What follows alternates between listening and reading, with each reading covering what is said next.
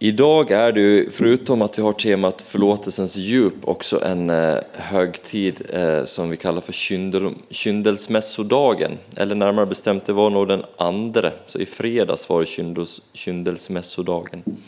Jag vet inte hur ni firade den? Var det någon som gjorde något speciellt extra roligt? Det kanske, jag visste liksom knappt vad det betydde, så att jag fick slå upp och ta reda på lite mer. Det är så att det är alltså 40 dagar efter jul och man firar eh, att Jesus bars fram i templet av Maria. Och eh, i templet så möter Maria Symeon och Hanna som är gamla och har väntat och, och liksom hållit ut i bönen och eh, eh väntat på Messias. Och när Symeon tar upp eh, Jesus i famnen så säger han att nu har jag sett ljuset och nu kan jag dö i frid. Och det är därför kyndelsmässodagen firas, alltså ljusets högtid. Att han såg ljuset och att vi får fira det. Och det passar ju ganska bra också i det här eh, temat se vilket hopp, se ljuset, se det som lyser in i mörkret.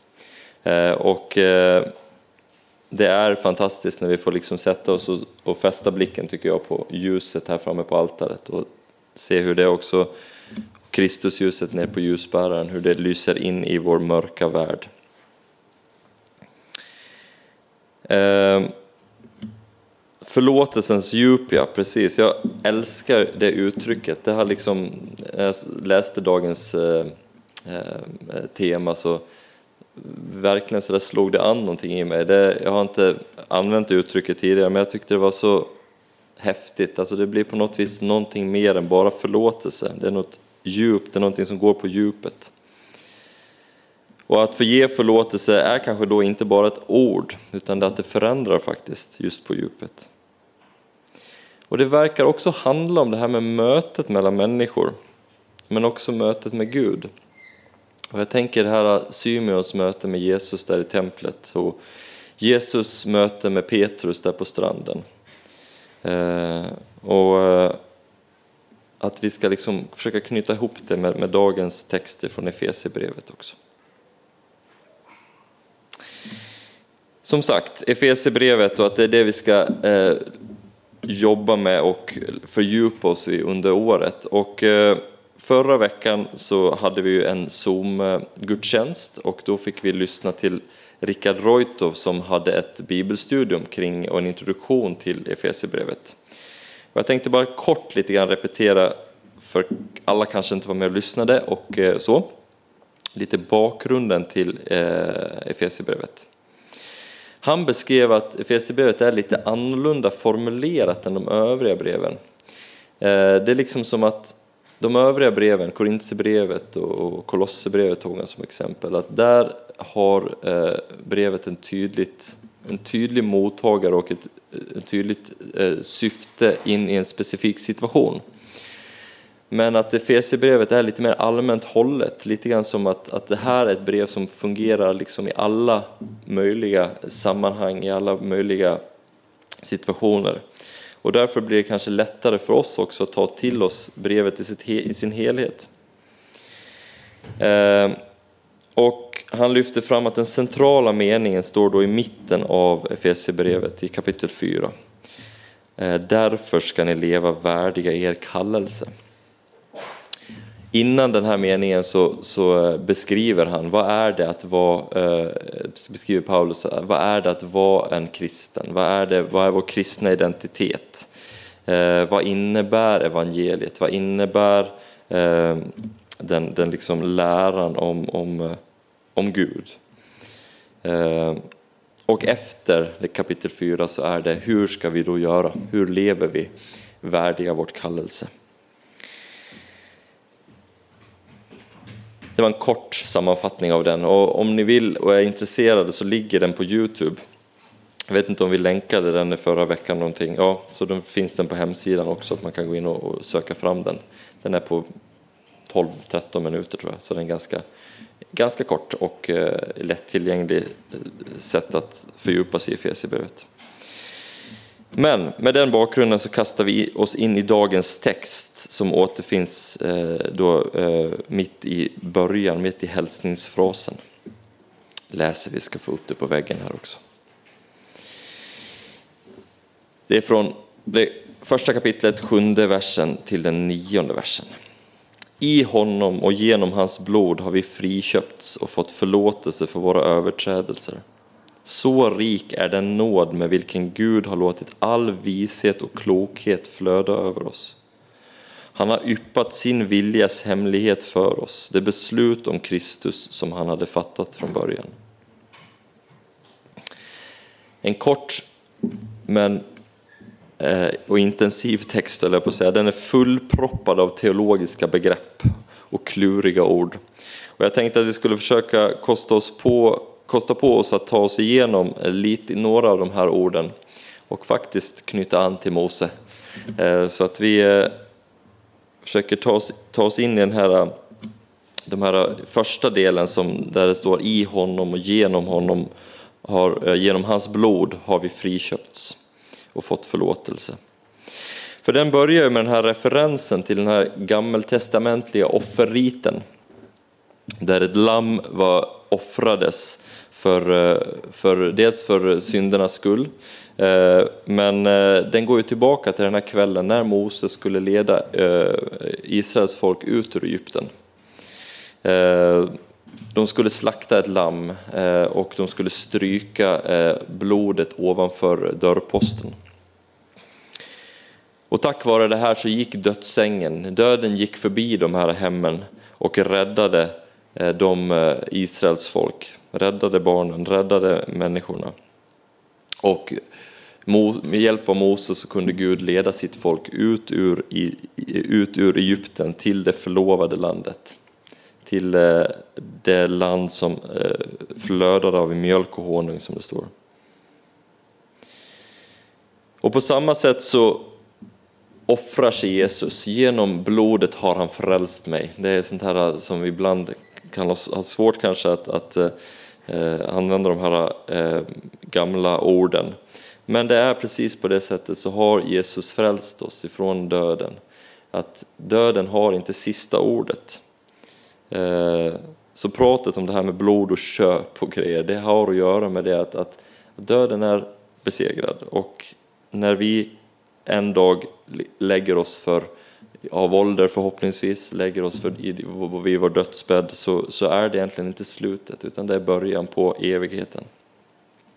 Början på det förlovade, i det förlovade landet.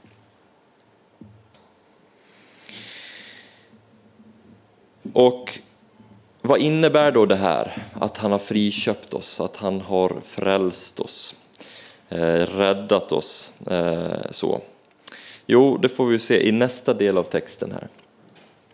Eh, att Gud av nåd eh, låter sin vishet och klokhet flöda över oss. Eh, och det är just det här som då är Guds hemlighet, Guds viljas hemlighet som redan från början eh, var för, förutbestämt att vi skulle få ta del av all den vishet och klokhet som Gud har. Att vi skulle bli Guds barn, att vi skulle för, för, för, förstå det som Gud tänker om den här världen. Ja, då har vi gått in lite grann i texten och, och rätt i de här eh, lite kluriga kanske eh, begreppen. Eh, och då tänkte jag försöka ägna resten av predikan åt att försöka förstå det här med konsekvenserna av Guds förlåtelse. Eller att förstå förlåtelsens djup. Och då tänker jag att vi ska försöka förstå vad Paulus menade med Guds vishet och klokhet. För det där verkar det ju finnas någonting att hämta när det gäller att förståelsen kring förlåtelsens djup. Guds vishet och klokhet. Och då, om vi då ska förstå visheten, då, då är det ju kanske naturligt att tänka att man vänder sig till vishetslitteraturen. Och det är ju då i det här fallet som jag tänker att jag ska läsa från Ordspråksboken. Som även den är fullproppad med vishet. Så jag tänkte jag skulle läsa ett, den har jag inte på väggen utan då får ni eh, lyssna och eh, eh låta visheten flöda över er. Eh, Från det andra kapitlet i Ordspråksboken. och den första eh, till femtonde versen. Min son och dotter, om du tar emot mina ord och bevarar mina bud inom dig, så att du lyssnar till visheten och öppnar ditt hjärta för insikten. Om du ropar på klokheten och kallar på insikten, om du söker henne som man söker silver, letar som efter en skatt, då ska du förstå vad gudsfruktan är och vinna kunskap om Gud. Ty det är Herren som skänker vishet. Från hans mun kommer kunskap och insikt. Han har framgång i beredskap åt den redlige och han, of, han, han är den oförvitliges sköld. Han vakar över det rättas vägar och skyddar sina trognas stigar. Då ska du inse vad rättfärdighet, rätt och redbarhet är. Det godas alla vägar. Visheten ska fylla ditt hjärta och kunskapen ge dig glädje. Klokheten ska värna dig och insikten beskydda dig. Hon, alltså visheten, ska rädda dig från det ondas väg, från dem som förvränger sanningen, som lämnar den rätta vägen och vandrar mörkrets stigar, som gör det onda med glädje och finner nöje i allt ont och förvänt, som följer slingriga stigar och går på villarvägar. Så visheten verkar alltså vara någonting vi ska söka efter. Något som Gud ger oss. Något som eh, inte liksom är någonting vi läser oss till utan som faktiskt eh, kommer till oss på något sätt. Lite längre fram i samma kapitel i Efesierbrevet så skriver Paulus så här att jag ber att vår Herre Jesus Kristus ska ge er uppenbarelsens och vishetens ande som låter er få kunskap om honom. Så det verkar som att den heliga ande, Guds ande, den innehåller klokhet och vishet. Och som sagt, visheten är då kanske inte bara de här kloka tankarna, att man är en vis person som kan ha goda tankar kring saker och ting, utan det verkar kanske vara att det är själva mötet jag tänker Simeon i templet där när han får möta Kristus och se ljuset. Att i ljuset av Jesus så får vi, får vi syn på världen genom Guds ögon. Det blir uppenbarat för oss. Så visheten handlar om mötet med Gud, mötet med Jesus. Okej, okay, då har vi liksom lite fått koll på det här med vishet och klokskap och vad, vad det kanske kan betyda. Eh, och då tänker jag om vi skulle försöka se på hur vi kan applicera det här med förlåtelsens djup på några situationer i, i vår nutid. Så jag har några exempel här. Och jag lyssnade på radion häromdagen och hörde att eh, det görs ju en utredning kring det här med fängelseplatser i Sverige. Eh, och eh, de hade övervägt att tillskapa fängelsebåtar som ska liksom eh, lösa det här med problemet med att vi har för få platser. Och så gjorde de en genomgång av historiens försök till fängelsebåtar som inte var någon rolig Eh, genomgång kan man säga. Eh, men eh, Eftersom de reformer som regeringen föreslagit innebär att vi behöver mellan 27 000 och 37 000 fängelseplatser. Idag har vi 9 000 fängelseplatser i Sverige och de är redan överfulla. Så det innebär att vi behöver lösa den här situationen ganska ordentligt. Det är kanske inte det jag ska försöka argumentera för just nu, utan snarare att när jag hör den här retoriken kring hur vi beskriver kriminella personer personer som har gjort brott och som absolut ska be, stå till svars och bedömda för det. Men den retoriken har förändrats ganska påtagligt de senaste åren. Och då är det någonting i mig som går sönder lite grann. Ett avhumaniserande, ett hämndinriktat sätt att se på brott och straff där förlåtelse och försoning inte verkar ses som något alternativ. Här tror jag att Guds vishet visar oss en annan väg. En väg där trots att människor gjort de absolut värsta brotten så är de fortfarande Guds skapelser. Trots att det i världens ögon inte går att förlåta så har Jesus dött även för dem. Där finns det en väg framåt. Där finns också förlåtelsen. Det andra exemplet hämtar jag från den blodiga konflikten i Gaza. Här är det uppenbart att inte Guds vishet styr. Han eh, skriver ju ofta, och, eh, eller det återkommer ofta i Bibeln, att Gud värnar om den faderslösa och änkan. Han som besegrar makten med att ge sig själv på ett kors rättfärdar aldrig att döda oskyldiga och barn. Men vad är Guds vishet i den här situationen? För här hamnar vi ju i ett polariserande, att vi först fördömdes Hamas, sen så fördömdes Israel, hur man, hur man återkom, hur man eh, replikerade på de här eh, terrordåden. Men Guds vishet handlar inte om att välja sida, vem har rätt och vem har fel. Utan Guds vishet är att i allt det här sky ondskan och se människan. Ondskan som i det här fallet står för maktbegär och hat. Där är det vishet att be för sin fiende och söka fred. Det tredje exemplet hämtar jag, det är inte riktigt nutida, men från Sydafrika. I början av 90-talet så upprättade ju Nelson Mandela och Desmond Tutu det som kallas för försoningskommissionen.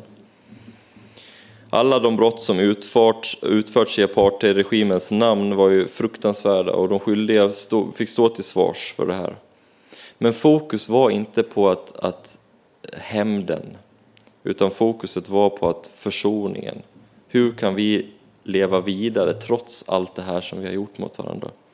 Trots allt det här som, eh, som liksom mord och eh, eh ja, terror och olika sätt eh, genomförts. Det är Guds klokskap och vishet. Det är vägen att rädda den här världen. Så i slutet av predikan så ska vi ta oss till Johannes evangeliet här igen som vi hördes läsas i början. Det här mötet, är en av de vackraste mötena tycker jag i, i Nya Testamentet. När Jesus möter Simon Petrus så får Simon, äh, Petrus får frågan tre gånger, älskar du mig? Och just här blir också mötet det centrala. Förlåtelsen går på djupet i relationen. Och i det här fallet är inte försoningen bara inre frid. Försoningen kommer också med ett uppdrag. Det får konsekvenser. Ta hand om mina får. För mina får på bete.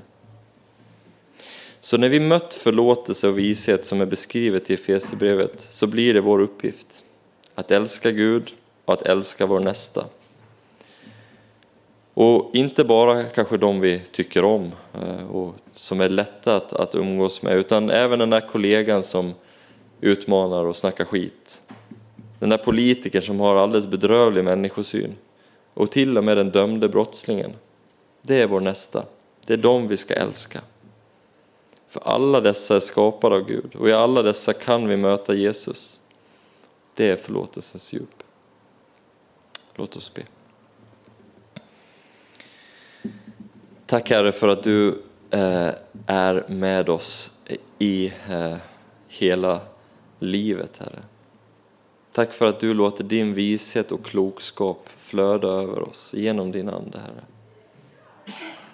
Hjälp oss att se den här världen med dina ögon och gör våra hjärtan tillräckligt stora för att eh, förstå förlåtelsens djup, Herre. Förstå vad det innebär att faktiskt förlåta. Att möta varandra med din kärlek, Herre. Herre, så tackar vi också för att vi får, får samlas till gudstjänst och för att vi får eh, eh tillsammans både lära känna dig mer och lära känna varandra mer. Och, och, låt de här relationerna vi har också få bli relationer där förlåtelse får råda, Herre. Jag vill också tacka för den gåva vi samlade in, Herre, och för att du också välsignar de pengar och det, det gemensamma vi har, Herre, så att det kommer till rätt eh, på rätt sätt till välsignelse för andra här. ber vi om i Faderns och Sonens och den helige Andes namn. Amen.